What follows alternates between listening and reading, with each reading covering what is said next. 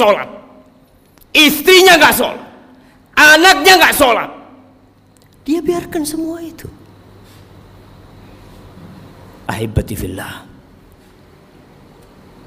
Berapa banyak orang yang keluar rumah jalan kaki, naik motor, pulang sudah ditandu.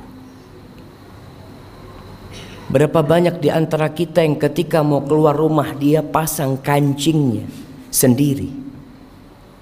Kemudian sampai rumah yang membukakan kancingnya orang yang memandikan jenazahnya. Sampai kapan kita akan melakukan kemaksiatan ini? Melihat kemungkaran ini terjadi. Allah membuka pintu tobatnya lebar-lebar. Allah mengatakan walaisatit taubatu lilladzina ya'maluna sayyi'at hatta idza hadara ahadahumul maut qala inni tubtul an Tobat itu tidak diberikan kepada pelaku-pelaku kemaksiatan yang nunggu datangnya ajal. Ketika datang kematian kepadanya, ini tubtul an, sekarang aku tobat. Nggak ada. Wallahi jamaah, kita hanya punya kesempatan satu kali dalam kehidupan ini. Ketika ajal tiba, engkau hanya bisa menangis, menyesal, berteriak, karena mendapatkan siksaan yang pedih dari Allah Jalla Jalaluh. Lihat kewajiban sholat ini. Orang dalam kondisi sakit tetap wajib sholat. Bagaimana dia tidak bisa berwudu? Tayamum.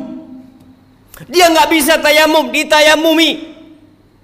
Bagaimana kondisi tubuhnya penuh dengan najis? Bersihkan. Karena ada orang-orang ketika sakit masuk rumah sakit, Sepekan, dua pekan, sebulan tidak sholat. Keluarganya tidak mempedulikan sholatnya dia. Keluar. Sebagian mengatakan nanti kalau saya sembuh saya akan sholat. Siapa yang menjamin engkau keluar dari rumah sakit sembuh? Berapa banyak orang yang keluar dari rumah sakit bangkai.